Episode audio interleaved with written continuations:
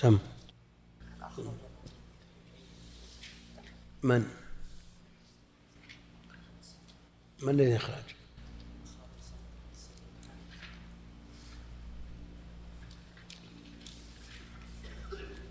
ولماذا لم يرفض سعد؟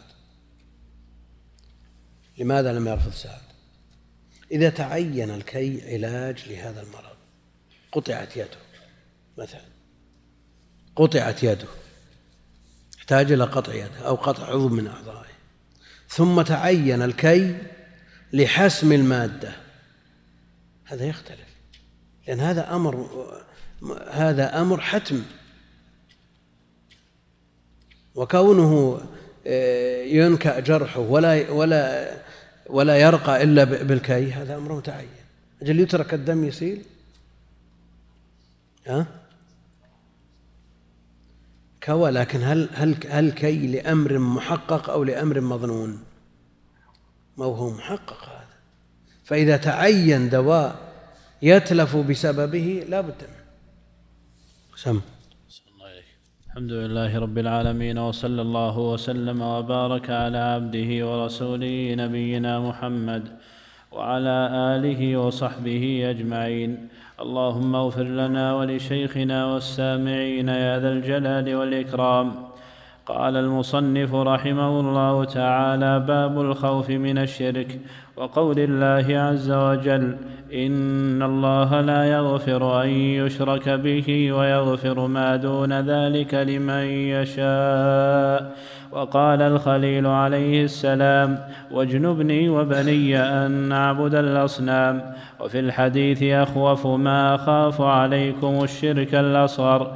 فسئل عنه فقال الرياء.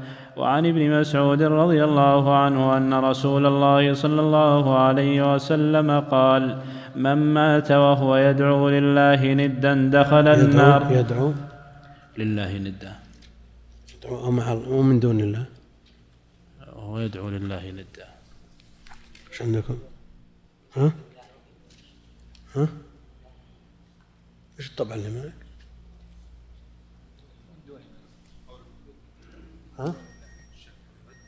وهنا يقول يدعو لله من دون الله هذا يقول من دون الله هذا الأصل نعم وعن ابن مسعود رضي الله عنه أن رسول الله صلى الله عليه وسلم قال من مات وهو يدعو من دون الله ندا دخل النار. رواه البخاري. الشرح أيضا عندنا في قرة عيون الموحدين. يقول عن ابن مسعود رضي الله عنه أن رسول الله صلى الله عليه وسلم قال من مات وهو يدعو لله ندا. هذا يترتب أو يعني يتحرر بمراجعة الحديث في البخاري. نعم. ولمسلم عن جابر رضي الله عنه أن رسول الله صلى الله عليه وسلم قال من لقي الله لا يشرك به شيئا دخل الجنة ومن لقيه يشرك به شيئا دخل النار. فيه مسائل الأولى الخوف من الشرك الثانية أن الرياء من الشرك الثالثة أن من. أنه من الشرك الأصغر الرابعة أنه أخوف ما يخاف منه على الصالحين الخامسة قرب الجنة والنار السادسة الجمع بين قربهما في حديث واحد. السابعة أنه من لقيه لا يشرك به شيئا دخل الجنة ومن لقي ومن لقيه يشرك به شيئا دخل النار ولو كان من أعبد الناس. السابعة. السابعة. هات أنه أحسن الله السابعة أنه من لقيه لا يشرك به شيئا دخل الجنة ومن لقيه يشرك به شيئا دخل النار ولو كان من أعبد الناس. موجود هذا في النسخ ها؟ شيء؟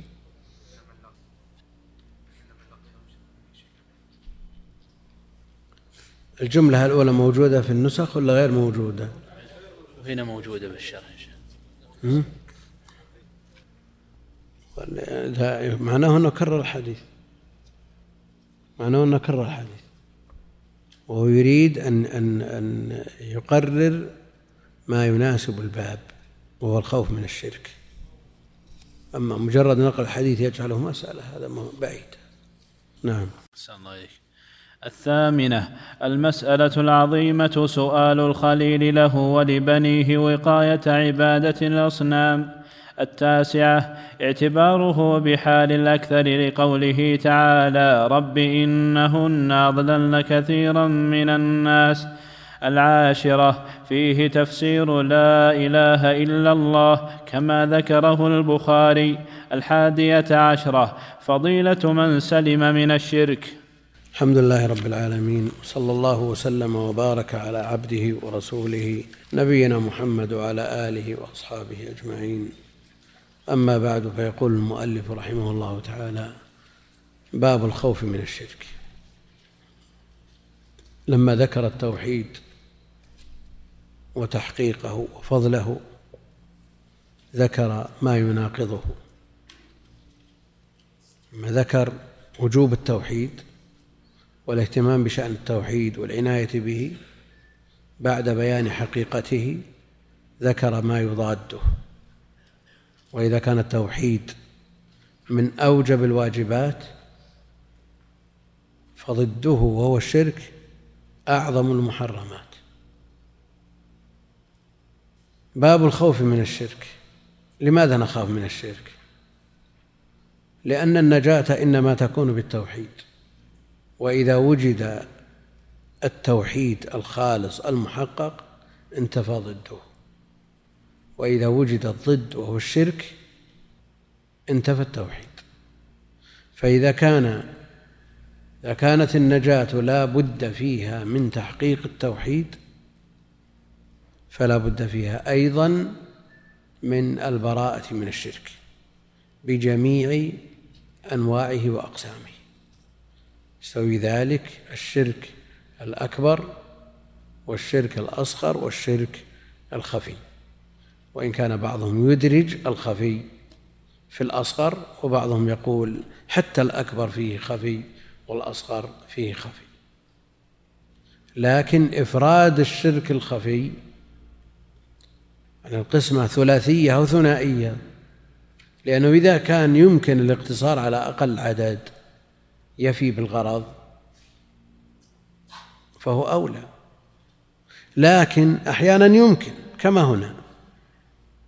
يمكن آه، إدراج بعضها في بعض لتكون أقل لكن أهل العلم لا يقصدون إلى مثل هذا للاهتمام بشأن المفرد ولو دخل في غيره ولو دخل في غيره.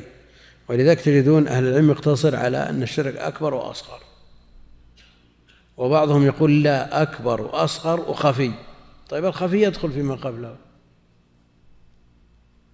قد يشرك الإنسان شركا أكبر ظاهرا. يسجد لصنم وقد يشرك شركا أكبر خفي يعتقد في ولي أنه ينفع ويضر من دون الله. وقد يشرك شركا أصغر ظاهر يحلف بغير الله. وقد يشرك شرك أصغر خفي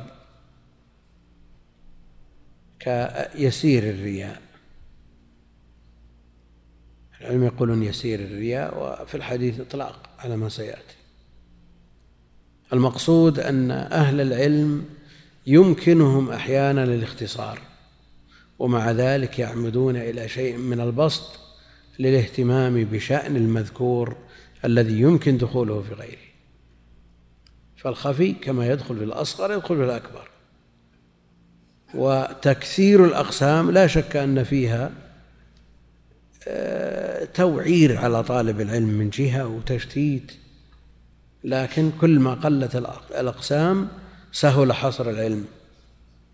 وأهل العلم أحيانا يسلكون هذا هو الأصل عندهم لكن قد يحتاجون إلى إفراد بعض الأنواع وإن دخلت في غيرها من باب الاهتمام بها والعناية بشأنها. يشترط لصحة كل عبادة. كم؟ الإخلاص والمتابعة.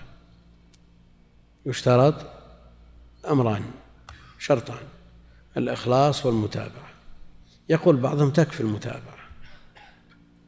تكفي إذا اشترطت المتابعة انتهى اشتراط الإخلاص.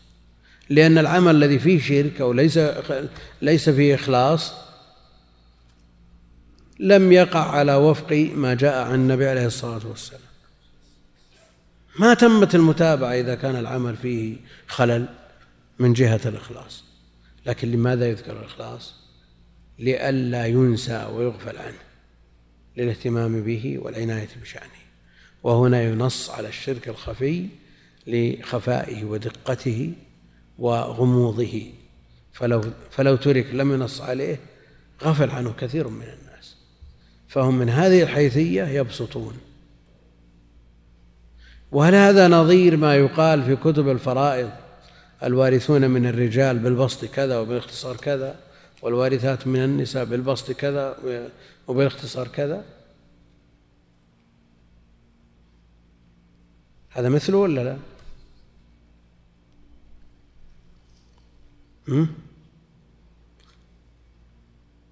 يعني هل نستطيع أن نقول أن الشرك بالاختصار ينقسم إلى قسمين وبالبسط ينقسم إلى ثلاثة؟ كما قالوا في الوارثين من الرجال والوارثات من النساء. نعم. نفاق هذه شروط وتلك أفراد. هذه شروط وتلك أفراد. يسهل الأمر فيهم سهل. لكن يبقى أن الشرك الخفي يمكن إدخاله في الشرك الأكبر في بعض صوره وإدخاله في الشرك الأصغر لكن التنصيص عليه عند أهل العلم من باب الاهتمام به والعناية بشأنه لئلا يغفل عنه لأنه إذا لم يكرر ويردد في الشروط ويحفظ فإنه بصدد أن ينسى. وقول الله عز وجل إن الله لا يغفر أن يشرك به ويغفر ما دون ذلك لمن يشاء. إن الله لا يغفر أن يشرك به. أن وما دخلت عليه في تأويل مصدر. إن الله لا يغفر شركا ويغفر ما دون ذلك لمن يشاء.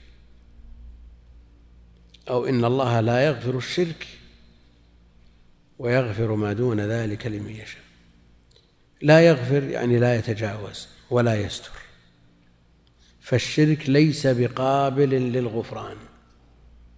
وما عداه وإن كان من الموبقات داخل تحت المشيئة. داخل تحت المشيئة. لا يغفر أن يشرك به. هذا أمر مفروغ منه. لا سيما الشرك الأكبر ليس بقابل للغفران.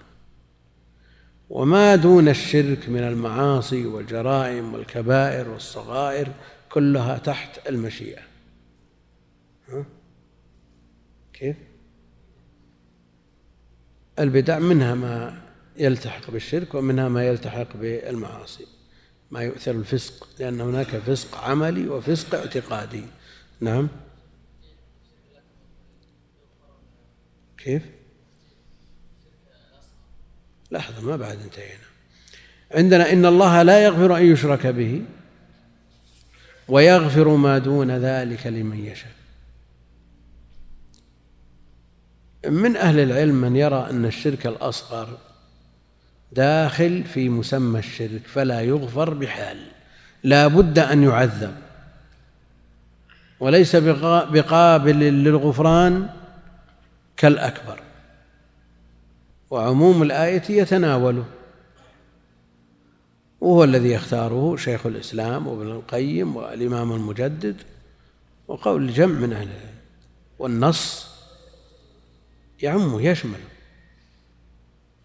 ومن أهل العلم من يرى أن حكم الشرك الأصغر حكمه حكم الكبائر يدخل تحت المشيئة. وعلى القول الأول إذا قلنا أنه غير قابل للغفران كالشرك الأكبر إلا أنه يختلف مع الشرك الأكبر لأن الشرك الأكبر يخلد في النار يقتضي الخلود في النار. فالمشرك شركا أكبر الجنة عليه حرام. الجنة عليه حرام. فلا يخرج من النار. بينما المشرك شركا أصغر سواء قلنا بقول من يقول أنه لا بد من تعذيبه وأنه لا يوجد ما يخرجه من الآية إلا أن مآله إلى الجنة يعذب بقدر ذنبه ثم يخرج كحكم مرتكب الكبيرة إذا لم يتجاوز الله عنه.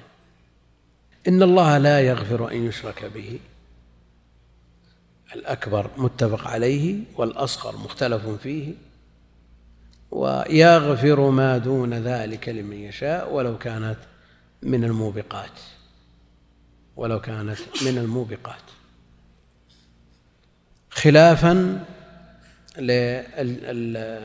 للخوارج والمعتزلة الذين يرون أن مرتكب الكبيرة إما كافر كما هو قول الخوارج أو في المنزلة بين المنزلتين كما هو قول المعتزلة ويتفقون على النتيجة وهو أنه خالد مخلد في النار. يغفر ما دون ذلك لمن يشاء. في آية الزمر قل يا عبادي الذين أسرفوا على أنفسهم لا تقنطوا من رحمة الله. إن الله يغفر الذنوب جميعا. إن الله يغفر الذنوب جميعا. فيها مخالفة لهذه الآية؟ هنا لا يغفر الشرك وهناك يغفر الذنوب جميعا والشرك ذنب. هي مقيدة بهذه الآية. مقيدة بهذه الآية أو هي محمولة على التائب. هي محمولة على التائب. والتائب من الذنب كمن لا ذنب له. فلا معارضة بين هذه الآية وبين آية الزمر. هذه بالنسبة لمن لم يتب بدليل أنها لو كانت في التائب لغفر للتائب من الشرك.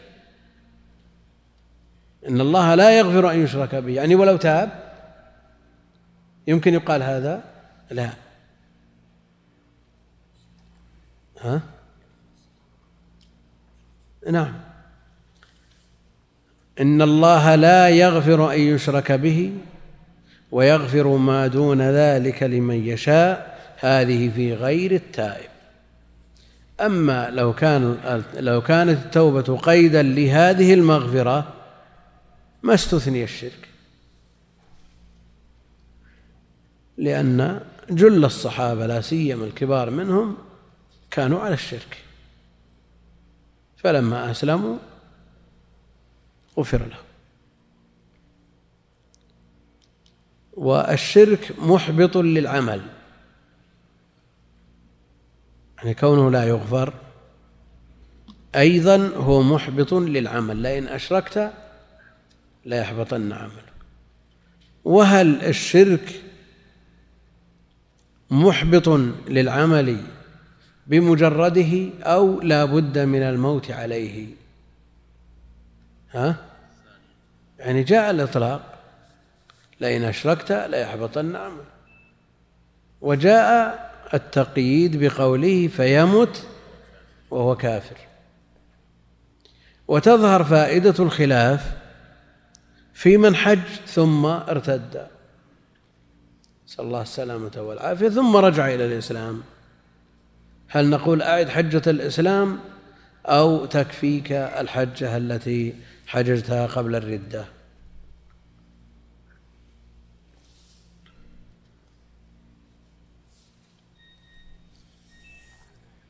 ها؟ حدود إيش؟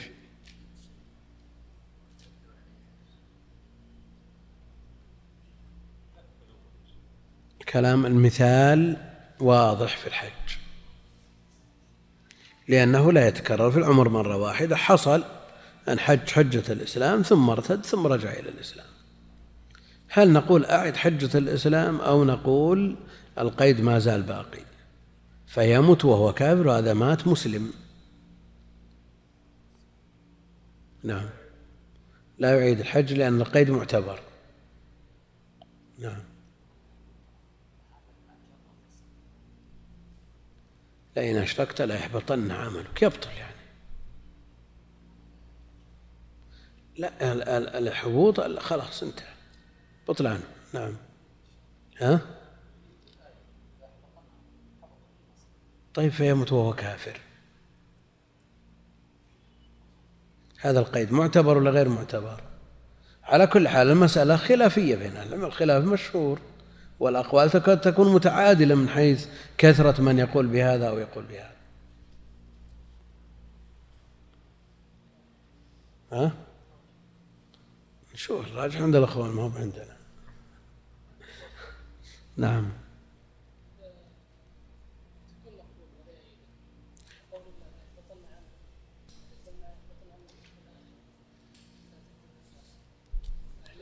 لا عندنا القيد فيموت وهو كافر.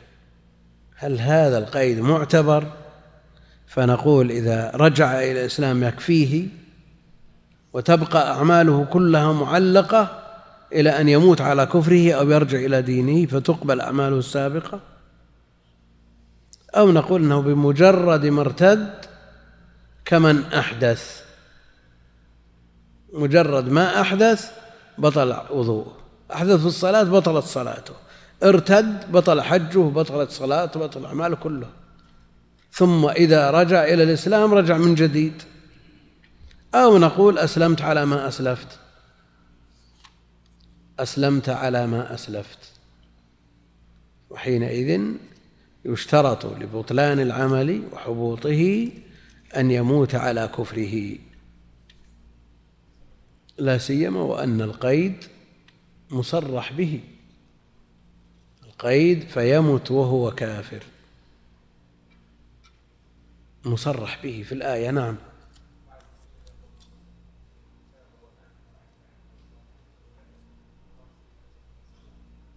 إيه.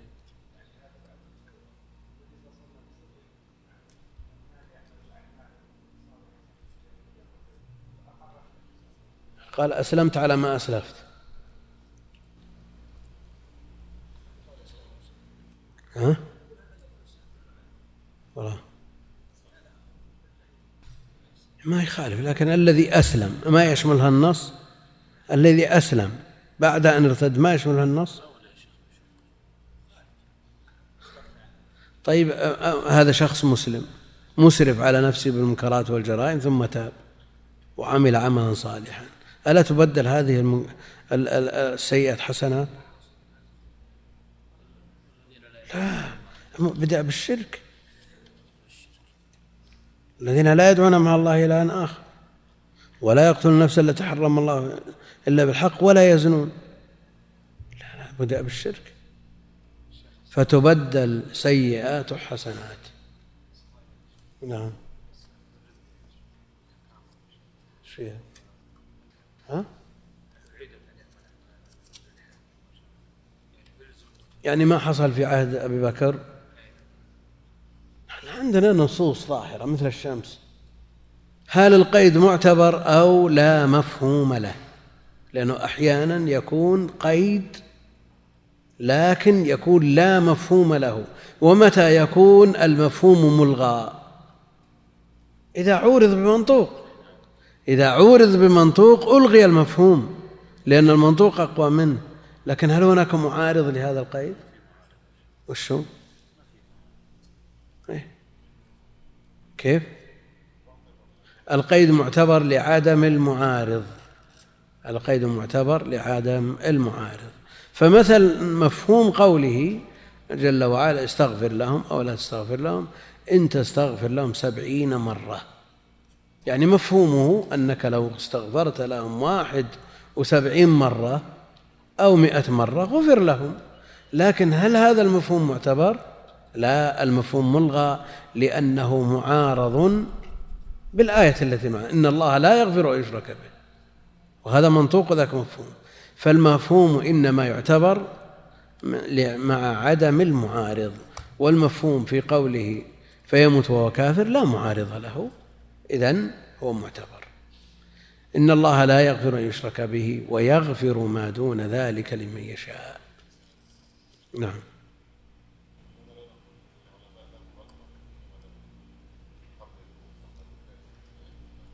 طيب. أحيانا السلف يوجد قيد لنص من النصوص فلا يعتبرونه من باب الاحتياط الاحتياط للدين. وهذا المدح الذي يذكره الأخ. من باب الاحتياط للدين. فمثلا وإن أحدكم ليعمل بعمل أهل الجنة حتى ما يكون بينه وبينها إلا ذراع فيسبق عليه الكتاب فيعمل بعمل أهل النار فيدخلها جاء قيد. لا يعمل بعمل أهل الجنة فيما يبدو للناس. هذا القيد ما اعتبره كثير من السلف. عملوا بحديث ابن مسعود المطلق. لماذا؟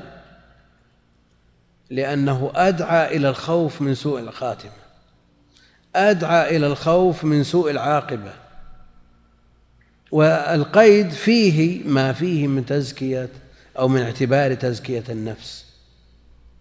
لأنه قد يقول قائل الله فيما يبدو للناس وأنا عملي ما هو فيما يبدو للناس أنا مخلص. هذه حقيقة عملي لا فيما يبدو للناس. فيدعو الإنسان إلى تزكية نفسه فلا يخاف من سوء العاقبة. ومن نظر في حال السلف وجدهم على العكس من هذا.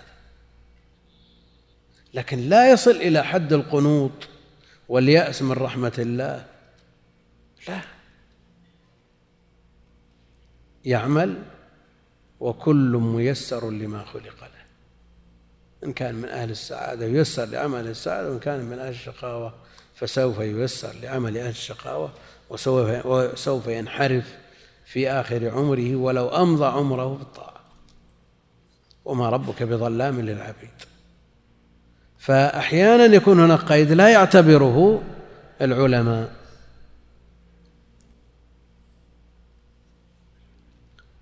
وقد لا يعتبره الإنسان في نفسه وإن اعتبره في غيره. لأن هذا أدعى إلى العمل بخويصة نفسه. ولا يكون إذا زكى غيره يعني إذا رأيت عالما معلما مخلصا وعلامات الإخلاص ظاهرة عليه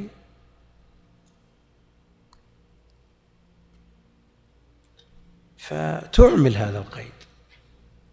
أغلب على ظنك بناء على ما ظهر من قراء تدل على إخلاصه أنه لن يعمل في آخر عمره بعمل أهل النار أنه يثبت على. لكن في خويصة نفسك تخشى العاقبة. تخشى العاقبة. ولا تعمل بالقيد لأن فيه بالنسبة للنفس نوع تزكية. وفيه أيضا اعتماد على العمل.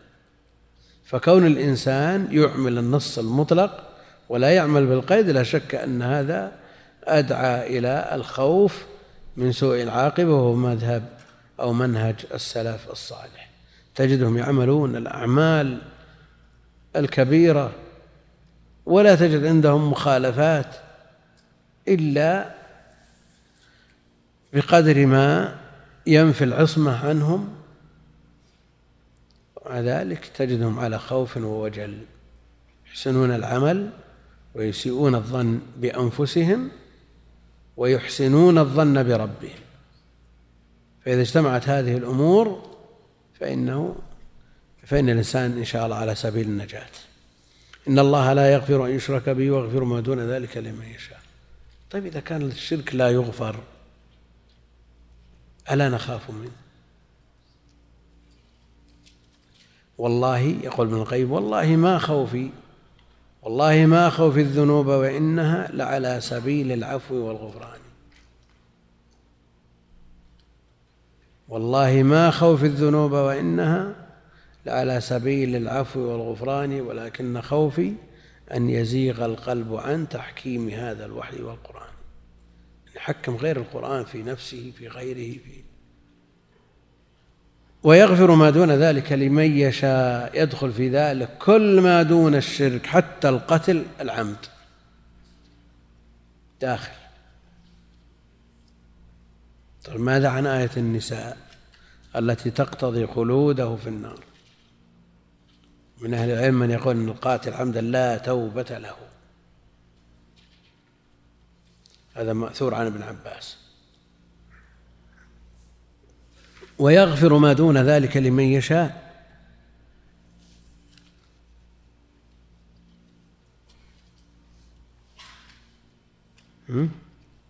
ماذا عن القاتل عمدا؟ نعم. طيب من شروط التوبة رد المظالم. يعني أنا أقول كل من كان في في ذمته حق لمخلوق هذا لا يقبل التوبة. ولا يقبل الغفران. ألا يمكن أن الله جل وعلا يرضي هذا المخلوق ويغفر للمذنب؟ ممكن. لا لا لا. القتل عمد وغيره كله من الذنوب دون الشرك داخل ويغفر ما صيغ العموم دون ذلك لمن يشاء. فالذنوب كلها دون الشرك تحت المشيئة وهذا مذهب أهل السنة قاطبة. ما خالف في هذا أحد. المخالف في ذلك الخوارج والمعتزلة. نعم.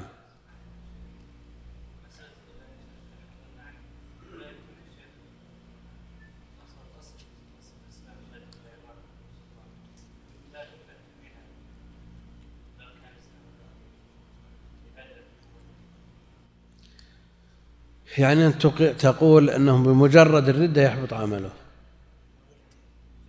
وعلى هذا إذا أسلم يسلم من جديد. فيأتي بالأركان كلها بما في ذلك الحج. على هذا أننا ألغينا القيد. جعلنا القيد فيموت وهو كافر لا مفهوم له. مفهومه أنه لو مات مسلما ما حبط عمله.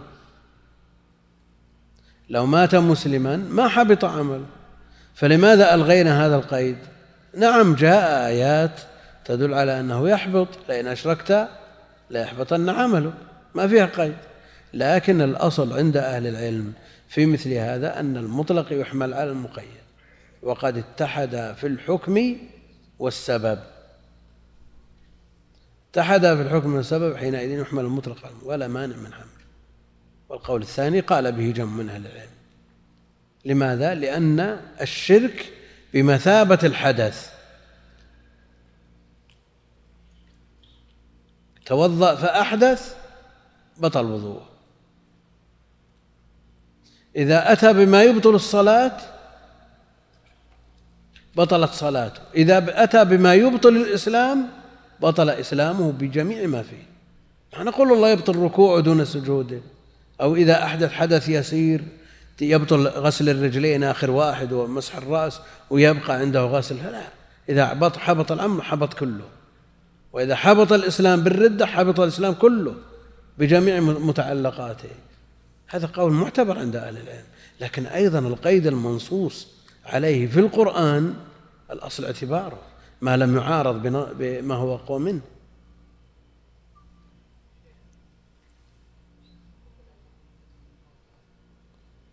حقوق الآدميين لا شك أن الأصل فيها أنها من السجل الذي لا يغفر هذا الأصل.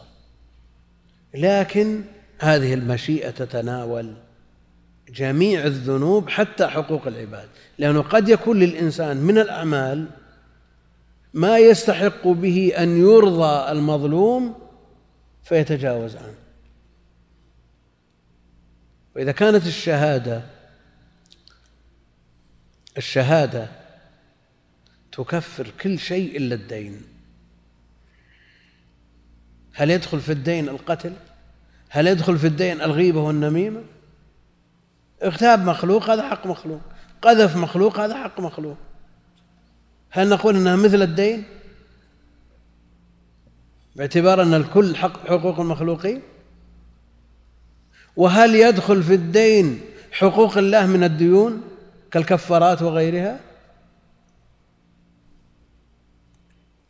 نعم. إذا كان عليه كفارات كفارة يمين لمحض حق الله جل وعلا وإن كانت فائدتها للمساكين هل تدخل في تكفر كل شيء إلا الدين؟ أو نقول الكفارات من حقوق الله تدخل. على كل حال تفاصيل هذه المسائل تحتاج إلى أوقات والمسائل يطلب بعضها بعضا فلا نزيد في هذا حتى ننهي الباب. بعد هذا وقال الخليل عليه السلام واجنبني وبني أن نعبد الأصنام واجنبني وبني أن نعبد الأصنام. من القائل؟ واجنبني وبني أن نعبد الأصنام.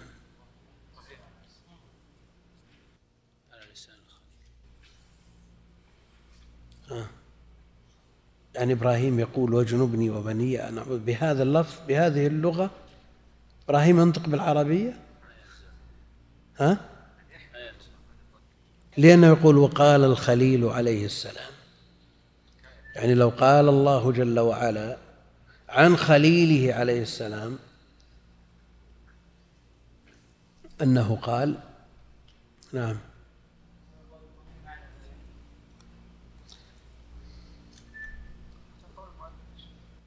شو؟ إلا. إيه.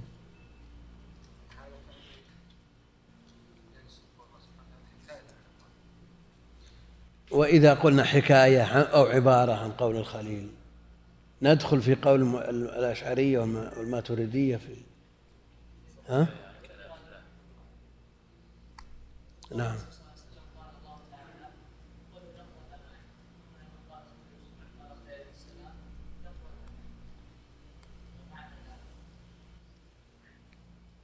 أولا الكلام من القرآن يعني ما أحد يشك فيه أنه من القرآن من كلام الله جل وعلا. نعم.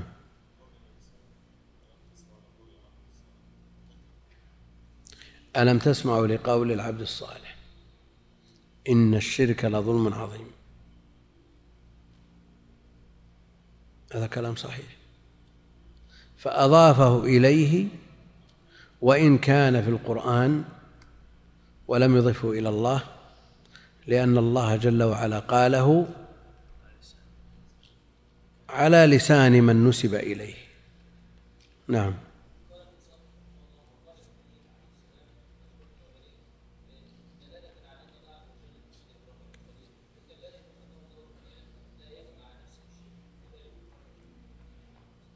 ما بالخلاف في هذا.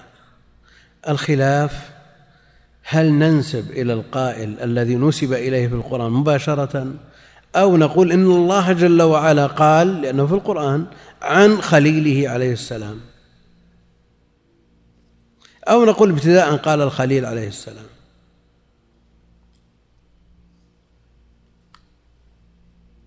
لا سيما وأن الخليل ما قاله بهذه الحروف.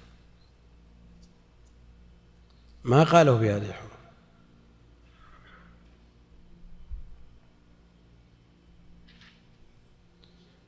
نعم.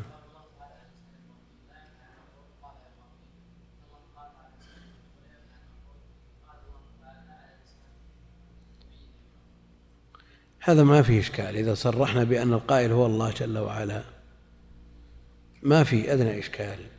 لكن إذا قلنا مباشرة عكسه إذا قلنا قال الله تعالى إني حرمت الظلم على نفسي. عكسه. نعم. حذف القائل المباشر. وترقي إلى إلى إلى القائل بدون واسطة. يعني حذفت الواسطة. لذلك لما وقف بعض الجهال من الذين يزعمون التحقيق للكتب قال الله تعالى إني حرمت الظلم على نفسي قال لم أجد هذه الآية في المصحف الشريف. نعم. يعني يصل إلى هذا الحد. فش المقصود من كلامي هذا؟ أن ال ال ال هذا الدعاء في القرآن. فهل نقول قال الله تعالى على لسان خليله عليه السلام؟ أو نقول حكاية عن إبراهيم؟ وإذا قلنا حكاية عن كذا عن إبراهيم عن موسى عن فرعون عن عن إبليس عن كذا كما كما هو موجود في القرآن من أقوالهم. إذا قلنا حكاية. هل ندخل في قول من يقول أن القرآن حكاية عن كلام الله أو عبارة عن كلام الله؟ يعني المشابهة في اللفظ موجودة. المشابهة في اللفظ موجودة لكن المقصود غير متحقق. مقصود أولئك غير مقصود من يقول هذا الكلام. وقال الخليل عليه السلام واجنبني وبني أن نعبد الأصنام. اجنبني يعني اجعلني في جانب وعبادة الأصنام في جانب. ما يدل على أنه يطلب الابتعاد عن الشرك. واجنبني وبني جمع ولا مثنى ولا مفرد؟ جمع. كم لإبراهيم من ولد؟ نعم إسماعيل وإسحاق فقط. هل المراد أولاد بنيه لصلبه أو المراد بني بن المراد بنوه وبنوهم إلى قيام الساعة؟ ها؟ جميع الذرية جميع الذرية. وهذه الدعوة إذا قلنا إن المراد ببنيه بنيه لصلبه أجيبت. إسماعيل وإسحاق من الأنبياء. وإذا قلنا المراد جميع الذرية أجيبت في البعض دون البعض لأنه وجد في ذريته من يشرك. اجنبني وبني أن نعبد الأصنام. الأصنام جمع صنم وهو ما كان له صورة على ما كان على صورة إما إنسان أو حيوان أو شيء شاخص. من رآه عرف أن هذا شيء يطلق عليه كذا بخلاف الوثن الذي لا صورة له وقد يطلق الصنم على الوثن والعكس. لكن هذا هو الأصل. اجنبني وبني أن نعبد الأصنام. إذا كان إبراهيم الخليل إمام الحنفاء ومحطم الأصنام ومحطم الأصنام ومن صبر واحتسب على التوحيد حتى ألقي في النار يقول اجنبني وبني أن نعبد الأصنام. فكيف الظن بغيره؟ ممن هو دونه. وإذا كان الله جل وعلا يهدد نبيه لئن أشركت ليحبطن عمله. طيب ماذا عن بقية وسائر الناس؟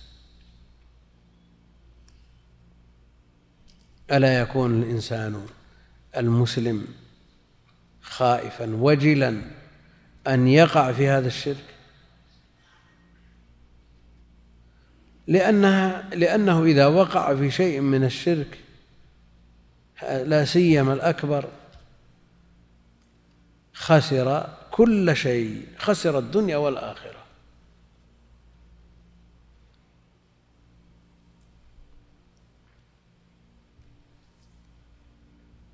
يعني بعض الناس يخشى من الامتحان ويخشى من النتائج وبعضهم في أيام الامتحان يصاب بشيء أو بضرب من الهلوسة. كل خشية أن يرسب. وإذا نام توقع أن الامتحان فاته أو أنه ما فهم الأسئلة ورسب. وإذا صلى صنع مثل ذلك. وبعضهم بعد أن يتخرج بسنوات يقوم فزعا من النوم لأن الامتحان فاته. ثم ماذا إذا فات الامتحان؟ وإذا وصلنا إلى هذا الحد في الخوف من الامتحان فضلا عن أمور الدنيا الأخرى. لكن هذا مثال حي عن الخوف من الامتحانات مع أنه بدأ يضعف الآن. مو مثل أول. الخوف من الامتحان ما هو مثل أول أبدا. لأن الآن هنا بدائل وإذا فاتك الامتحان تجيب اختبار بديل ولا منك آه، هنا شيء بعد يمشونه بدون. لو الامتحانات لها رهبة يعني يخرج في النتائج مجبور يعني مزيود درجة ولا درجتين. ولا يمكن أن يزاد أكثر من ذلك بحال من الأحوال. لو أعاد السنة كاملة ما كانت دراسة فصول ما فصول وبعضها يرقع بعض لا. كانت الدراسة تسعة أشهر صافية. ثم إذا انتهت السنة إذا كان في الكلية الشريعة كما كان في وقتنا إذا انتهت السنة. اختبار واحد وإذا عنده مجلد من فتح القدير كامل مجلد من الروض المربع مجلد من آه، سبل السلام مجلد من أوضح المسالك. هذه أحمال أحمال ثقيلة. لكن الآن طلاب الكليات مع مذكرات مثل هذه. يقرأها بعد صلاة الصبح وينجح. مشكلة. لكن ومع ذلك لا يجوز أن نخاف مثل هذا الخوف. يصل بنا الحد أنه بعد أن يتخرج عشر سنوات ينهض من, من, من فراشه قائما. يرى في الرؤيا أنه فات امتحان؟ لماذا لا نخاف من الشرك؟ اجنبني وبني أن نعبد الأصنام الذي فيه خسر الدنيا والآخرة.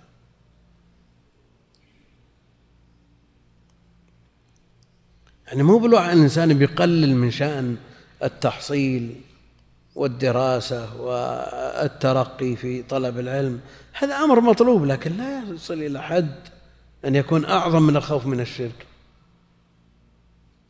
بل بعضهم يقدم أشياء وتنازلات قد تصل أنت إلى ما يمس بالتوحيد وتحقيق التوحيد من أجل أمر من أمور الدنيا.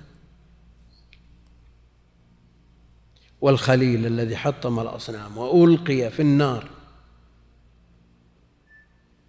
والحطب يجمع على كافة المستويات. كل إنسان لا بد أن يساهم يجمع حطب.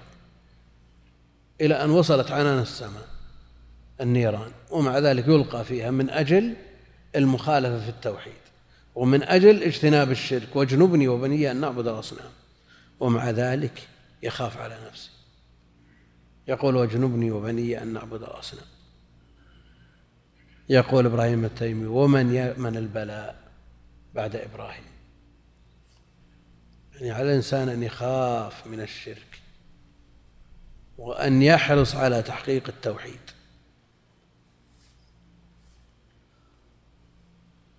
الشرك نعم. لا بس فيه فيه في نظرته إلى هذا الباب خلل. يعني ما كأنه أعطاه حقه. قد يحقق التوحيد ويسعى في تحقيقه فإذا لم يخشى الشرك إذا لم يخشى الشرك يخشى عليه أن يقع فيه وهو لا يشعر. يخشى عليه أن يقع فيه وهو لا يشعر. قد يقول قائل أنه من شدة الخشية قد يقع فيه. من شدة الخشية قد يقع فيه. كما أخطأ ذاك من شدة الفرح. في الحديث. لكن على الإنسان أن يكون متوازنا في أموره يسعى جاهدا يحرص أن يحقق التوحيد. ويكون هذا أيضا هم وديدا له وأن يبتعد ويجتنب عن الشرك بجميع صوره وأشكاله ولا يتساهل فيه ولا يتأول. لأن بعضهم يقول إذا قيل له عن الحلف بغير الله قال أنا ما أردت أن أحلف بغير الله. وجاء في النصوص أفلح وأبيه وحمل على أنه لم يقصد به التعظيم. أنت نزه لسانك عن هذا الشرك بجميع صوره وأشكاله. لا ترتكب المحظور ثم تذهب التأول لنفسك. هذا ليس من من الخوف من الشرك في شيء. قالوا في الحديث أخوف ما أخاف عليكم. الشرك الأصغر. يخاطب من؟ يخاطب الصحابة. خيار الأمة. أحرص الناس على على التوحيد والبراءة من الشرك. يقول لهم النبي عليه الصلاة والسلام أخوف ما أخاف عليكم الشرك الأصغر. فسئل عنه فقال الرياء. يعني الشرك الأكبر وعبادة الأصنام وكونهم يرجعون عليه هذا بعيد وإن كان الحي لا تؤمن عليه الفتنة لكن الإشكال في الشرك الأصغر لا سيما الرياء. هذا قد يقع فيه الإنسان. قد يغفل عن نفسه فلا ينتبه إلا وقد تلبس به. نعم.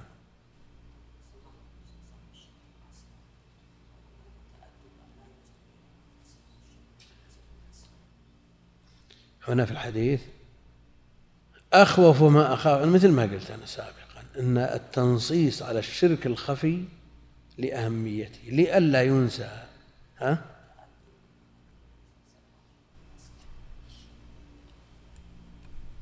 النبي عليه الصلاة والسلام ها؟ ما ينفون أن هناك شرك, شرك أصغر. يقولون شرك أكبر وشرك أصغر وشرك خفي.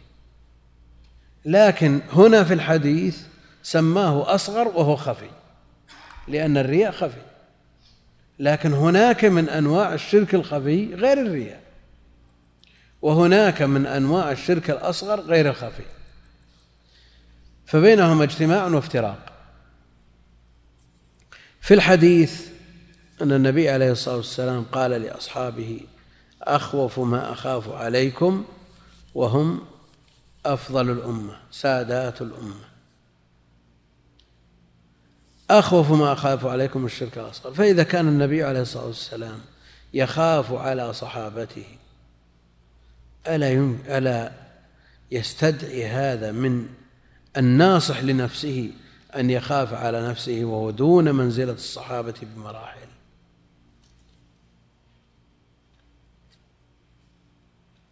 دون منزلة الصحابة. لا أحد يدعي أنه بمنزلة أدنى الصحابة أو أو ما يقارب منزلة أدنى الصحابة.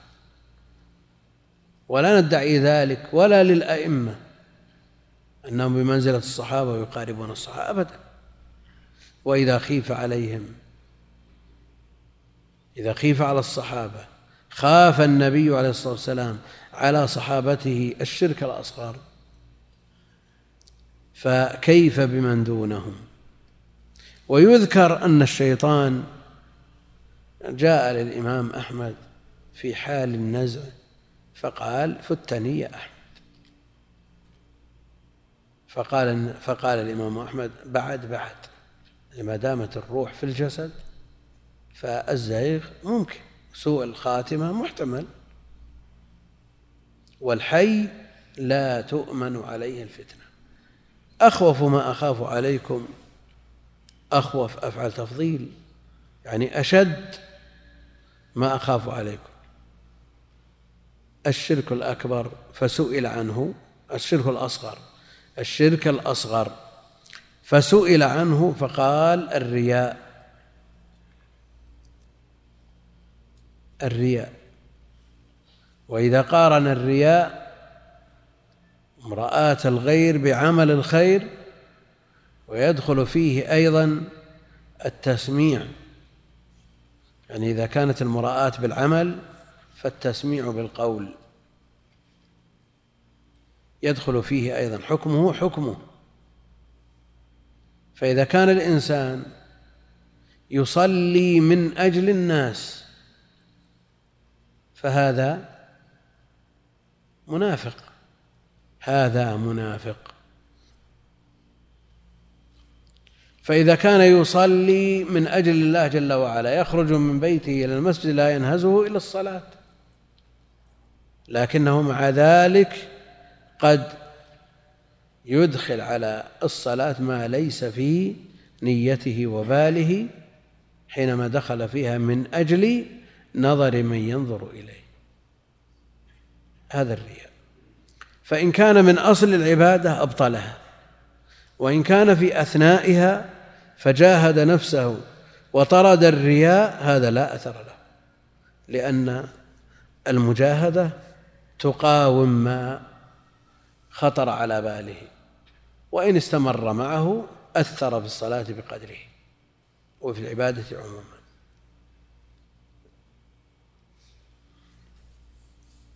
فسئل عنه فقال الرياء. إذا كان يأتي بالقدر المجزي من الصلاة بالقدر المجزئ من الصلاة لله جل وعلا على عادته إذا صلى بعد الصلاة ركعتين أو قبل الصلاة ركعتين العادة أنها أنه يستغرق في صلاته ثلاث دقائق أربع دقائق.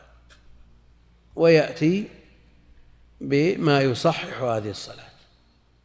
لكنه في يوم من الأيام بدل من أن تكون أربع دقائق صارت خمس. زاد في التسبيح وزاد في القراءة وزاد في الأذكار من أجل من يراه ممن حضر هذرية وفي العادة قام يصلي لله جل وعلا. فبدلا من أن يقرأ سورة من خمس آيات قرأ سورة من سبع آيات. وبدلا من أن يسبح ثلاثا سبح خمسة. وهكذا. هل نستطيع أن نفصل هذا الرياء المختلط بجميع الصلاة؟ يعني كونه بدأ من التكبير إلى التسليم بالرياء هذا هذا محبط للعمل. وكونه في ركن من الأركان أو في جزء من الصلاة ثم جاهد نفسه فطرده هذا لا يؤثر. استرسل إلى ركن ثاني أبطل من الصلاة بقدره أحبط من عمله بقدره. لكن يبقى أنه إذا كان مشاركا للصلاة كلها بالقدر الزائد على المعتاد هل نقول أن الرياء هذه الدقيقة الزائدة وأربعة دقائق مخلص لأنه كان يفعلها قبل ذلك. أو نقول أن هذا العمل مشارك للصلاة من أولها إلى آخرها. ها؟ يعني زيادة غير متميزة. فتأخذ حكم الأصل. يعني هل هذا يمكن أن يدخل في القاعدة أن الزيادة على القدر الواجب إن كانت متميزة لها حكم وإن كانت غير متميزة لها حكم. نعم. إن كانت متميزة شخص عليه زكاة فطر فقال للبائع كل لي صاعين. فجعل صاع في كيس وصاع في كيس. دفع صاع لفقير ودفع صاع ثاني لفقير. الواجب واحد والثاني مندوب. لكن لو وضعهما في كيس واحد ودفعهما لفقير الزيادة غير متميزة. هل المجموع واجب؟ أو الواجب صاع والثاني نفل ولو لم يكن غير متميز. وقلنا في دروس مضت أنه يتخرج على ذلك أنه لو زاد عن القدر الواجب في الركوع مثلا وجاء المسبوق وأدركه في القدر المستحب الزائد على الواجب. هل يكون مدركا للركعة أو غير مدرك؟ لا سيما على قول من يقول أنه لا يصح إمامة المتنفذ والمفترض. هو متنفذ في القدر الزائد. ها؟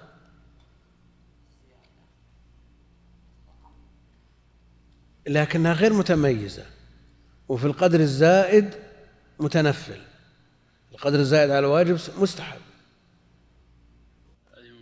فريضة صلاة فريضة. هذا ينبني على القاعدة لا نقول شيء بآرائنا كل شيء محدد عند أهل العلم. القدر الزائد على الواجب هل هو واجب ولا غيره؟ قالوا إذا كان القدر الزائد متميز عن غيره هذا ليس بواجب. يعني مثالهم في الروضة وأنا أذكر أن حصل إشكال كبير في في شرح الروضة. كمن أدى دينارا عن عشرين فقط. شو معنى هذا الكلام؟ بس قال كمن أدى دينارا عن عشرين. المدرس الدرس أصول الفقه ضاع ما يدري كيف يؤدي دينار عن عشرين. يعني بذمته عشرين يؤدي دينار واحد هذا اللي تبادر للذهن. أقول لا يا أخي عنده عشرين دينار زكاته نصف دينار فأدى دينار كامل. الواجب عليه النصف والنصف الثاني واجب ولا مستحب؟ متميز ولا غير متميز؟ غير متميز أدى دينار.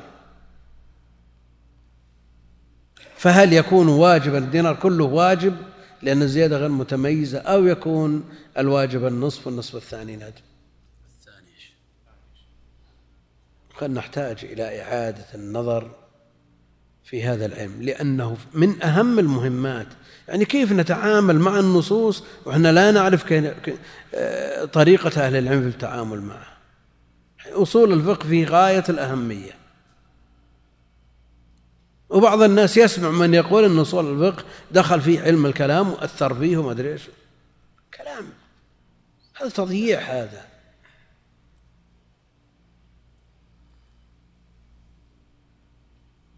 فمثل هذه الأمور لا بد من مراجعتها. لأن بعض الناس تكلم يتخرص يعني. أو بناء على بس ما يلوح له. أو سمع طرف خبر ولا شيء. هذا ما يصلح. شو كان متميزا فما فيه إشكال. كان غير متميز هو محل الخلاف. طيب إذا قلنا واجب. ثم تبين أن الذي صرف له هذا الواجب لا تبرأ الذمة بصرفه إليه. وقيل له أعد الزكاة. وش يعيد؟ يعيد صاع ولا صاعين؟ نعم. والقضاء يحكي الأداء. ها؟ وهذا ما يقول به أحد يعيد إلا الواجب. راجعوا راجعوا يا أخوان ما يصلح الخراص ما يصلح. لا يا شيخ. ابن قدامة ينصل هذا نعرف كلام من قدامة ما بنتكلم من فراغ. لكن لا بد إن الإخوان كلهم أنا بقصد واحد بعينه يراجعون هذه المسائل. ثم بعد ذلك هذه المسائل تدخل في كل باب. يعني إذا تعرضنا لأي علم من العلوم دخلنا هذه المسائل. لماذا؟ لأن العلم وحده مترابطة. ما يمكن فك بعضها عن بعض.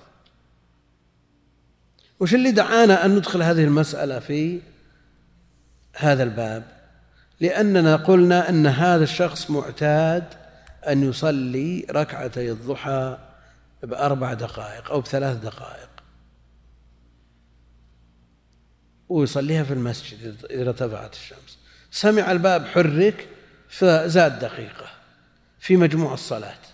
سلم عن خمس دقائق. هل نقول أن هذه الزيادة هذه الدقيقة هي الباطلة أو أن الصلاة كلها بطلت لأن هذه الزيادة غير متميزة. إيه إذا كان من أولها ما عندنا شك أنها باطل. نعم.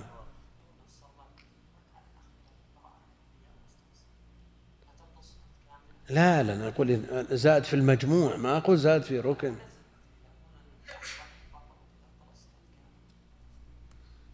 إذا لم يجاهد واسترسل معه وهذا طال معه لا تبطل على كلام أهل العلم. أخوف ما أخاف عليكم الشرك الأصغر. فسئل عنه فقال الرياء عن ابن مسعود رضي الله عنه أن رسول الله صلى الله عليه وسلم قال من مات وهو يدعو لله ندا دخل النار.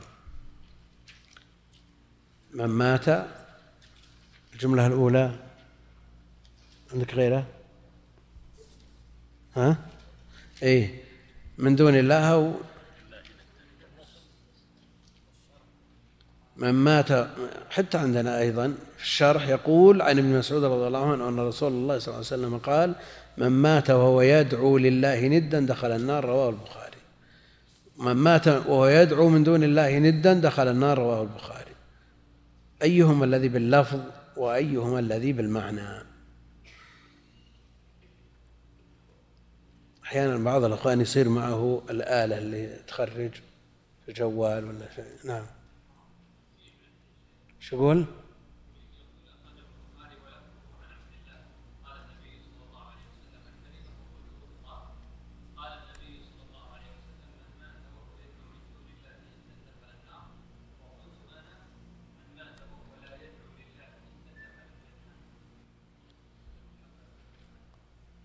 اي يعني يكون اللفظ من مات وهو يدعو من دون الله بينما الجملة الثانية وهو يدعو وهو لا يدعو من دون الله وهو يدعو ويدعو لله. ولا يدعو لله نعم. لا لا لا دخل النار من دون الله. والثانية لله دخل الجنة. ما يدل على أن المعنى واحد سواء قلنا يدعو من دون الله أو يدعو لله. يدعو من دون يدعو ندا دون الله جل وعلا يعني يدعوه معه. وإن كان في قرارة نفسه أنه دونه. ويدعو لله ندا يعني يجعله شريكا لله. والند هو الشبيه والمثل والنظير. من مات وهو يدعو من دون الله ندا دخل النار.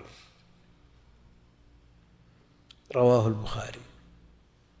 يدعو يعني يشرك بالله معه ويدعوه من دونه.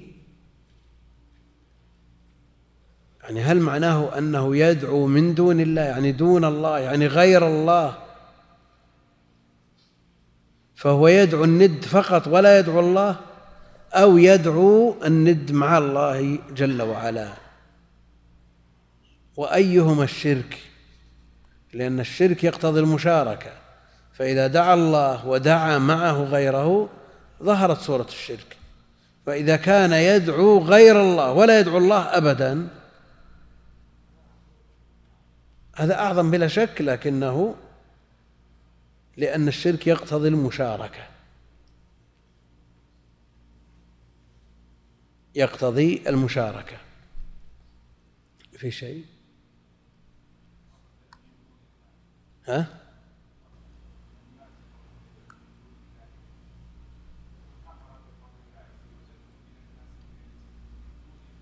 إلى هذا لفظ البخاري من دون الله. هذا لفظ البخاري من دون الله. يدعو من دون الله ندا. يعني دعاء مسألة أو دعاء عبادة. من مات يعني مات على الشرك لم يتب قبل موته من هذا الشرك حال كونه يدعو الند ويشرك مع الله غيره. دخل النار. من؟ هذه شرطية. مات فعل الشرط وجوابه دخل النار. نسأل الله العافية. دخل النار. هل فيه ما يدل على أنه لا يخرج منها؟ هل في الحديث ما يدل على أنه لا يخرج منها؟ دخل النار. نعم. ها؟ شرك أكبر هذا. لكن هل في الحديث أنا أقصد الحديث من الذي عندنا يعني لم لم يرد في في الباب غير هذا الحديث؟ ها؟ نعم. من؟ شرطية. فعله الشرط مات وجوابه دخل النار.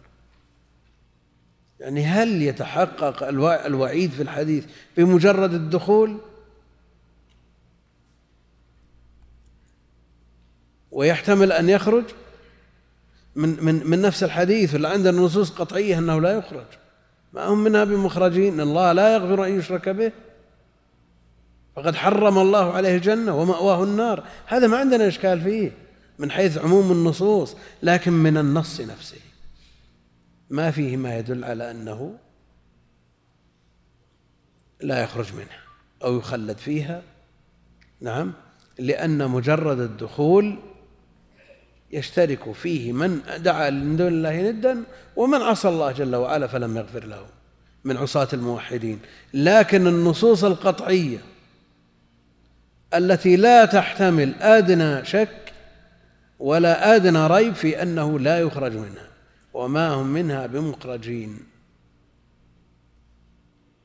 إن الله لا يغفر أن يشرك به وهذه نصوص لا تحتمل التأويل لا تحتمل التأويل. فمن مات مشركا بالله جل وعلا فإن الجنة عليه حرام وهو في النار خالد مخلد. وهو من الذين شقوا نعم.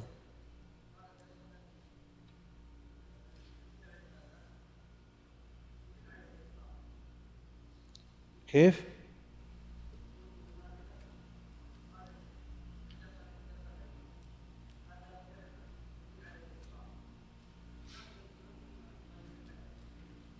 لا أنا أنت أنت تريد أن تقول وهو يمكن يفهم من الحديث أن أن الدخول مقطوع به والخروج يحتاج إلى نص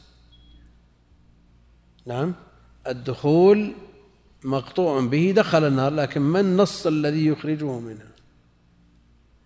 لكن عندنا نصوص صحيحة صريحة قطعية في أنه لا يغفر له أنه يدخلها خالدا مخلدا. ولمسلم عن جابر رضي الله عنه أن رسول الله صلى الله عليه وسلم قال من لقي الله لا يشرك به شيئا دخل الجنة.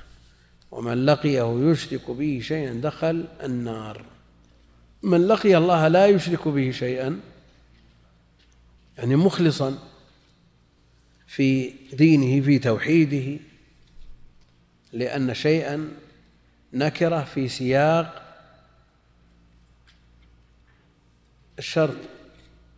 نكرة في سياق الشرط فتعم. شيئا أي شيء طيب هناك أشياء خفية يمكن أن تشرك في شيء من العبادات وبعضها أخفى من شيء بعضها أخفى من بعض.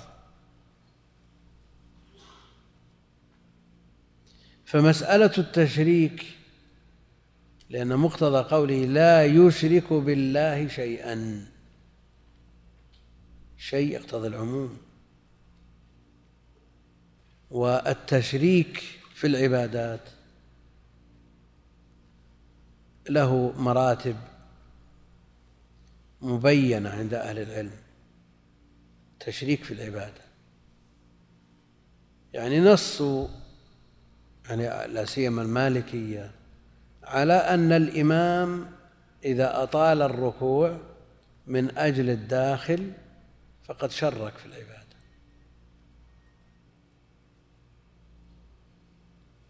ونص على هذا القرطبي وغيره. ولا يتجوز إطالة الركوع من أجل الداخل لأن هذا تشريك.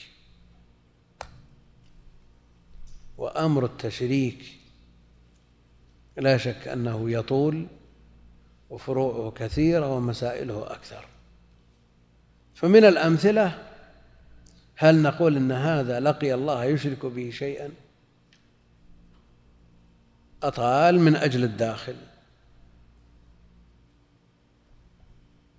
وبعض الأئمة يطيل من أجل بعض الداخلين دون بعض. ها؟ شو؟ أي فهم أن الداخل فلان يطيل من أجله. هل نقول أن هذا تشريك مؤثر في العبادة؟ أو نقول أن النبي عليه الصلاة والسلام حصل منه شيء من الإطالة وشيء من التخفيف. من أجل آه، مخلوق. خفف لما سمع صوت الصبي. وأطال السجود لما ارتحله الحسن. هل نقول هذا تشريك؟ النبي عليه الصلاة والسلام معصوم. وهذا ليس بتشريك. فإذا حصل مثله من غيره بما يحكم عليه. يعني خفف من سمع بكاء صبي. أو زاد في سجوده لأمر يقتضي ذلك. نعم. هم باب الرحمة شفقة على أمه وأيضا من باب تلطفه بالأطفال زاد في سجوده. ها؟ من مسألة تعظيم إذا أطال الركوع من أجل الداخل.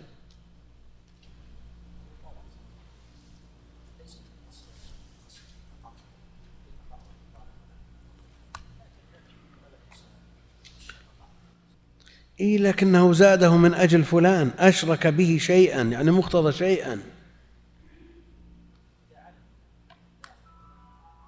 عالم من الداخل فلان. هو يعرف أنه دخل شخص ولذلك صور. صور. الإمام سمع قرع نعال فأطال. لا يدري من الداخل. هذه صورة. سمع نحنحة فلان يعرفه من الناس فأطال. وسمع نحنحة فلان من الناس يعرفه فاختصر الركوع. لأن هل الإمام يعامل الناس معاملة واحدة؟ يعني قد يكون بينه وبينهم مشاحنة. هذا الشخص ذهب إلى الوزارة يتقدم بتغيير هذا الإمام. فصار بينه وبينه شيء صار إذا سمع قرع نعاله رفع. ما يبي يدرك الركوع. والثاني كتب خطاب ووقعه من الجماعة أنهم يبون الإمام. فصار ينتظروا. هل هذا مؤثر في الصلاة ولا غير مؤثر؟ يعني عندنا المسألة أصلية المسألة الأصلية أنه لا يلاحظ فلان ولا علان يحسن إلى الجميع. ومن باب الإحسان أن تجعل الإنسان يدرك الركعة. ولا يفرق بين فلان ولا فلان هذه أصل المسألة هي التي قيل فيها إنها تشريك. أما مسائل أخرى يطيل من أجل فلان لأن بينه وبينه ود ويقتصر من أجل فلان لأن بينه هذا كل هذا لا يجوز في الصلاة. لكن إذا خلت عن هذه الاعتبارات المسألة خلت عن هذه الاعتبارات فالجمهور على أنه لا بأس به وأن هذا من باب الإحسان. والنبي عليه الصلاة والسلام أطال السجود وخفف من الصلاة لاعتبارات. فهذا أمره سهل عند الجمهور. لكن من يرى أنه شرك أطال الصلاة من أجل فلان يقول هذا تشريك ولا يجوز بحال. مثال مسائل التشريك تشريك عبادة بعبادة. يعني جاء عن عمر رضي الله عنه أنه كان يجهز الجيش وهو في الصلاة. هذا شرك عبادة بعبادة.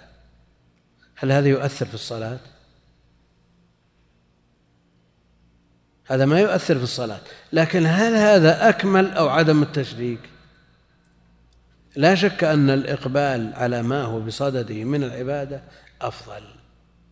ولو كانت نفل وتجهيز الجيش واجب. الإقبال على صلاته أفضل من تجهيز الجيش في الصلاة. هناك مسألة أيضا وهذه لاحظناها ولاحظها كثير من الناس في المسجد الحرام إذا صار يصلي في الدور الثاني أو في السطح وهو يطل على المطاف في ليالي العشر.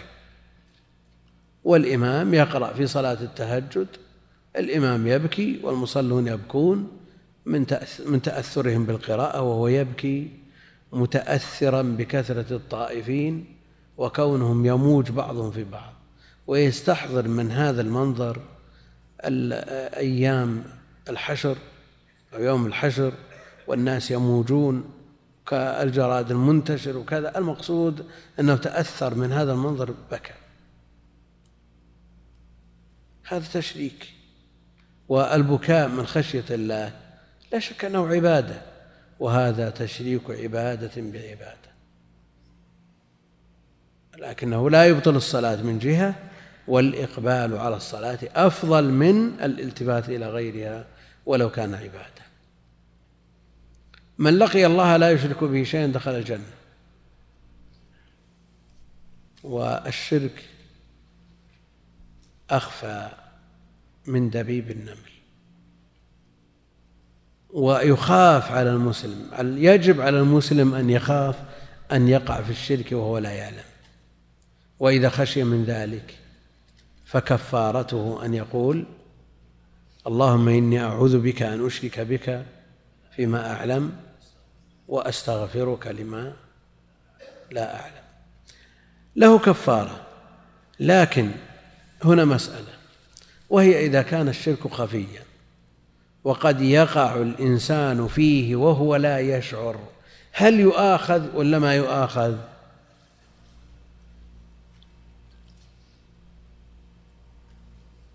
نعم.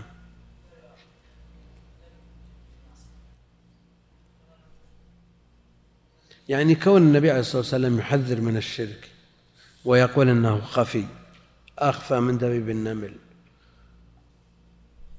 نعم. الإنسان ما شعر بنفسه إلا أن انتهى. بعد ما انتهى حسب أو سأل قيل له شرك. لأن هذا الشرك خفي. وقع فيه ألا يكون من قبيل؟ وإن أحدكم لا يتكلم بالكلمة لا يلقي لها بالا يهوي بها في النار سبعين خريفا. ها؟ لا سيما وأن المقام مقام تنفير. نعم.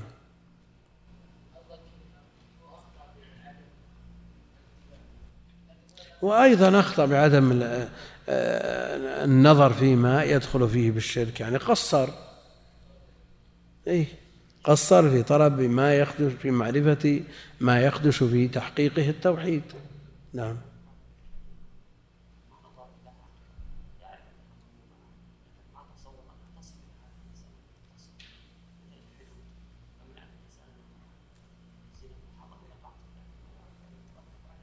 رجم.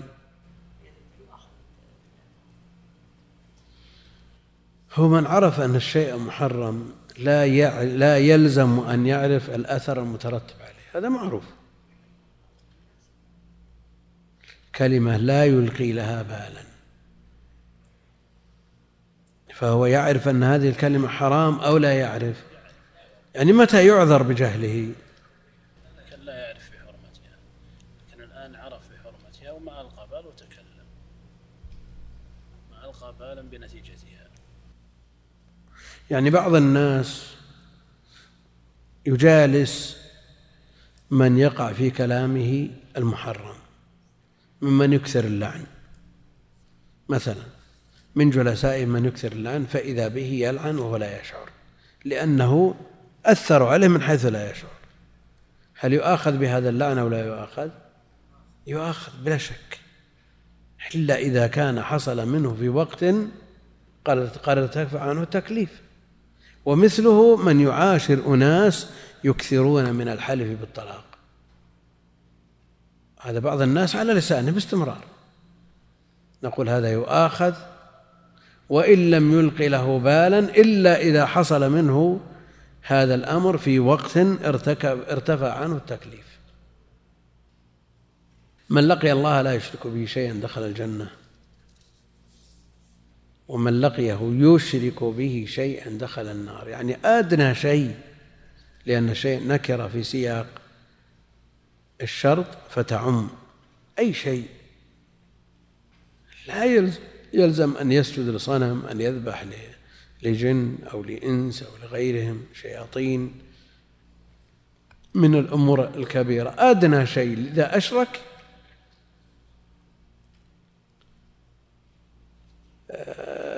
نسأل الله العافية. حصل له هذا الوعيد الشديد. يعني في أمور الناس لأن الاحتياط في عصرنا فيه شيء من الصعوبة فيه شيء من الوعورة. يعني كان الناس أهل انجماع وأهل انضباط. حياتهم معروفة ومطالبهم محدودة وكلامهم قليل. وقد ينشغلون بلقمة العيش عن القيل والقال وكثرة الاجتماعات وفضول الكلام وفضول الخلطة. الآن لا. كفوا المؤونة بما فتح الله على المسلمين من من الدنيا فتفرغوا للفضول. الناس يحتاج إلى أن يكلم فلان في موضوع هام بيخطب ابنته. ويأخذ له مدة ما وجد فراغ ما وجد وقت يذهب إليه لأنه فلاح ليل نهار أو يشتغل في محل من أجل لقمة العيش. الآن لا ما الناس كفوا هذه المؤونة. فتفرغوا للخلطة تفرغوا للقيل والقال. فتجد الإنسان يجلس المجلس ساعتين ثلاث ينتهي الكلام الواجب ينتهي الكلام المستحب ينتهي المباح. ماذا بقي؟ يبقى الله المستعان. ما يمكن تطلع أنت وناس باستراحة وكل واحد ماسك له ربعه في يده كتاب. نعم؟ اللي بيفعل هذا يجلس في بيته أو في المسجد. لكن الإشكال في الفضول. هذه فضول الأكل فضول الخلطة فضول الكلام فضول كل ما لا يحتاج إليه. مما لا يعين على مما لا يكون طاعة أو مما يعين على طاعة. في ليالي الشتاء يخرجون من أول الليل إلى آخره كله قيل وقال ثم بعد ذلك إذا انتبه الإنسان بقي خمس دقائق يوتر بثلاث ولا ما يوتر؟ أحيانا يعان على حسب ما قدم خلال هذه الساعات وأحيانا يعاق عن الوتر. وأحيانا يتأول. يقول الليلة ما لازم نوتر لا نشبه الوتر بالفريضة. لا يعتقد وجوبه. وأحيانا والله يقول الليلة جمعة والجمعة لا يخص بقيام ولا نهاره بصيام. تجده يبحث التأويل لنفسه. لكن تلقى من كثرة القيل والقال شيء يتأمله وشيء يقف عليه وشيء لا يستطيع أن يتأمل يتكلم به لا يلقي له بال. هنا يقع في المحظور ولا يشعر. قال رحمه الله فيه مسائل الأولى الخوف من الشرك إذا كان الشرك لا يغفر وخافه إبراهيم على نفسه ومن جعل الله ندا دخل النار لقي الله يشرك بشيء دخل النار لماذا لا نخاف؟ يعني إذا كان الإنسان يخاف من أدنى شيء بعض الناس يخاف من لا مخوف بعض الناس إذا رأى الجراد فزع فزع شديد ما نام. بعضهم إذا رأى أدنى حشرة.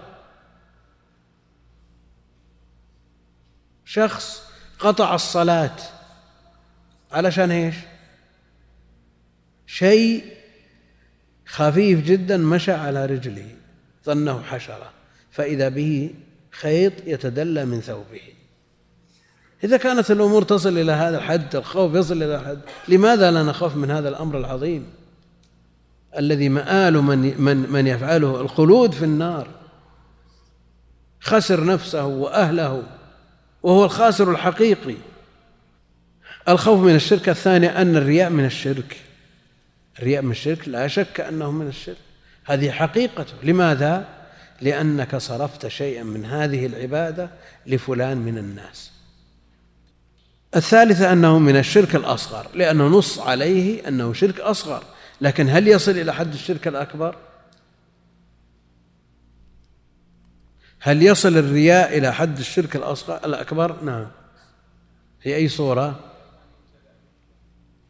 إذا كان يبتدأ به هذا محبط للعمل لكن إذا كان هو الذي ينهز للعمل يعني فرق بين من يخرج من بيته إلى الصلاة يصلي لله جل وعلا. فرأى في المسجد شخص له عنده منزلة. له عنده منزلة. فرآه في هذه الصلاة من أولها إلى آخرها. الصلاة بطلت وأشرك الشرك الأصغر. ويختلف عما لو خرج من بيته لأنه بيصلي مع فلان. وإلا لو لم يكن هذا لو عرف أن فلان ما مصلي ما صلى أصلا كصنيع المنافقين هذا لا شك أنه أكبر. نعم. ها؟ هل تقضى أو لا تقضى مثل هذه الصلاة؟ الفقهاء الذي يسمونهم فقهاء الظاهر وهم أهل الفتوى. يقولون الصلاة كاملة من حيث الشروط والأركان والواجبات. فهي مسقطة للطلب من هذه الحيثية. فتكون كمن أخذت منه الزكاة قهرا ما تؤخذ منه ثانية ولا يطالب بها. بخلاف من يراعي أمور الباطن أعمال القلوب. يقول هذه الصلاة ما لها أثر في حياته. هذه الصلاة ضررها أكبر من نفعها. وذكرنا الشخص الذي حج من بغداد ماشيا ثلاث مرات. حج من بغداد ثلاث مرات ماشيا. فلما رجع من الحجة الثالثة دخل البيت برفق فإذا أمه نائمة فانتبهت فإذا به بجوارها قالت يا فلان اسقني ماء. الماء موجود في البيت في قربة معلقة في البيت. أمتار. ما هي بألوف الكيلوات لا أمتار. فتجاهل. كأنه ما سمع ثم قال الثانية يا فلان اسقني ماء كذلك. فلما قال الثالثة نهض. وجاء بالماء ثم أخذ يعيد حساباته ويقول أحج ماشيا ثلاث مرات من بغداد إلى مكة. ألوف من الكيلوات. وأعجز عن سقي أمي. يعني الحجة الثانية والثالثة نفل وسقي الأم. واجب. إذا أمرته يجب عليه أن يطيع. لا بد أن يكون هناك شيء. سر. خلل. فلما أصبح سأل. سأل شخص من ما هم من الفقهاء؟ أصحاب الحلال والحرام لكنهم ممن له عناية بما يصلح القلوب. عليك عليك أن تعيد حجة الإسلام. لأن حجك فيه إشكال كبير. ليش؟ لو كنت مخلصا في حجك وخطواتك إلى البيت الحرام ما ترددت في ترك واجب وهو أمر الأم لكن لو سأل فقيه قال ما العلاقة هذا وبعض طلاب العلم يلاحظ عليه الآن. تجد عنده استعداد إذا جاء زميل نذهب نقضي الحاجة الفلانية أو نفعل كذا. أو نوزع أشرطة ومطويات وكذا. مجرد ما يضرب البوري عند الباب يلبس الحذاء ويخرج. من صلاة العصر إلى منتصف الليل. والأم تقول له يا ولدي من باب البر نذهب إلى خالتك فلانة في نفس الحي. يقول أنا مشغول. والشافعي يقول لو كلفني أهلي ببصلة ما طلبت العلم.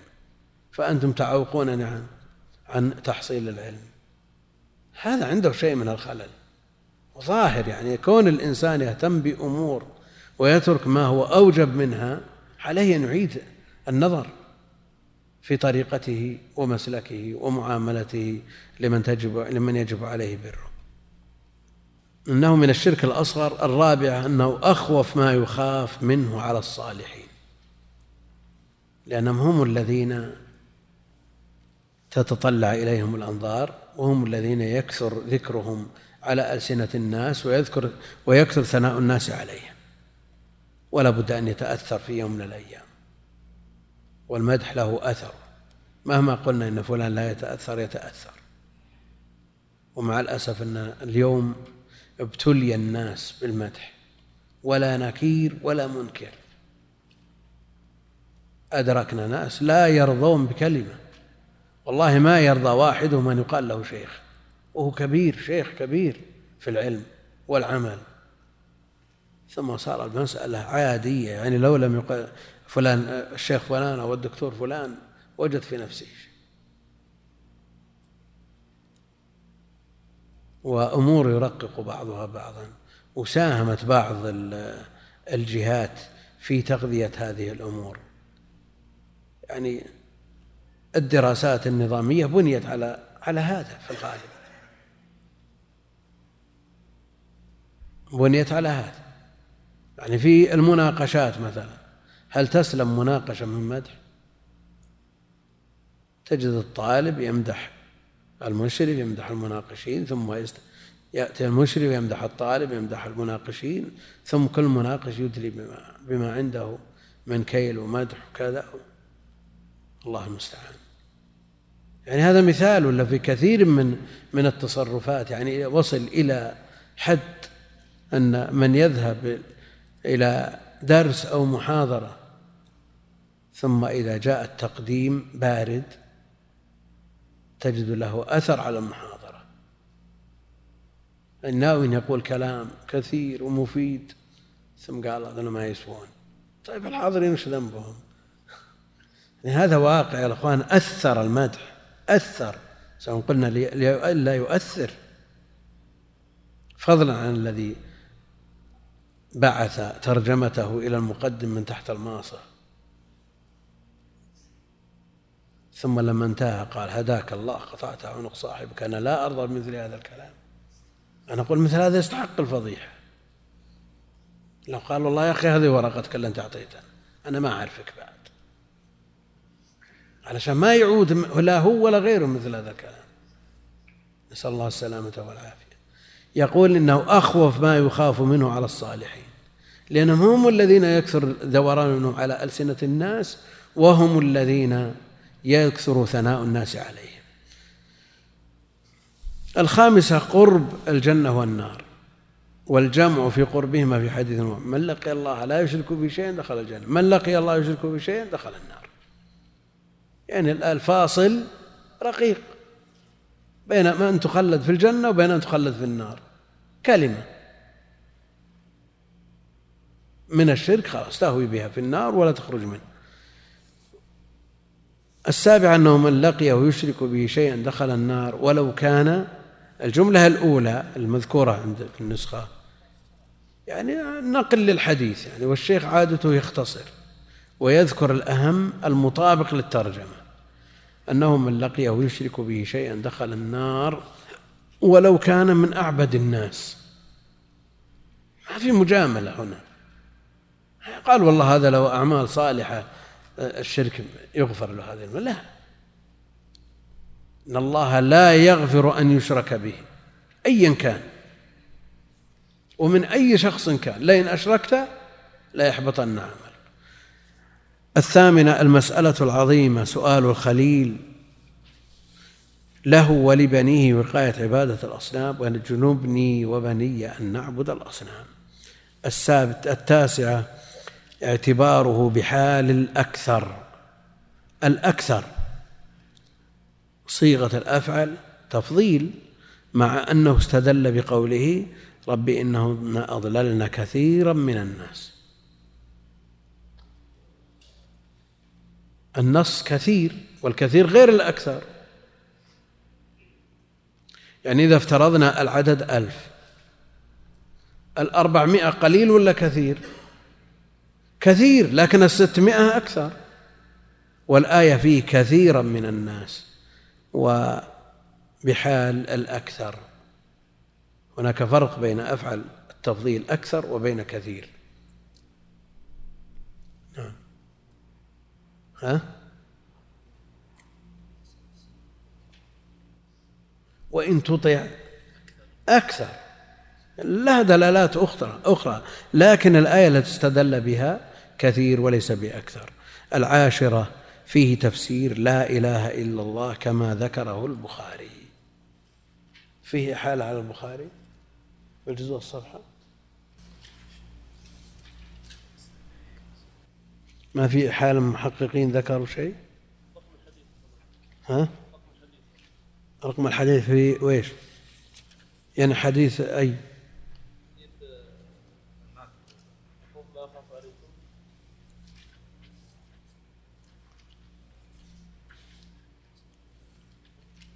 لا. فيه تفسير لا إله إلا الله. في إيش؟ ها؟ في إثبات التوحيد ونفي الشرك. حديث ابن مسعود. ولعله ذكر البخاري شيء من كلام إي بس ابن مسعود من مات ويدعو الله ندا دخل النار. من جميع الباب. من جميع الباب لأن فيه الخوف من الشرك والخوف من الشرك يقتضي نفيه ونفي الشرك لا يتم إلا بتحقيق التوحيد. طيب ها؟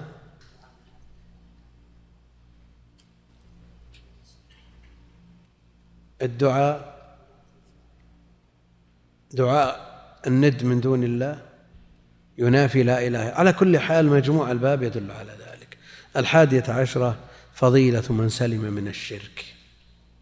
فضيلة من سلم من الشرك وهو أنه ينجو من عذاب الله ويدخل الجنة والله أعلم وصلى الله وسلم على نبينا محمد وعلى آله وأصحابه أجمعين.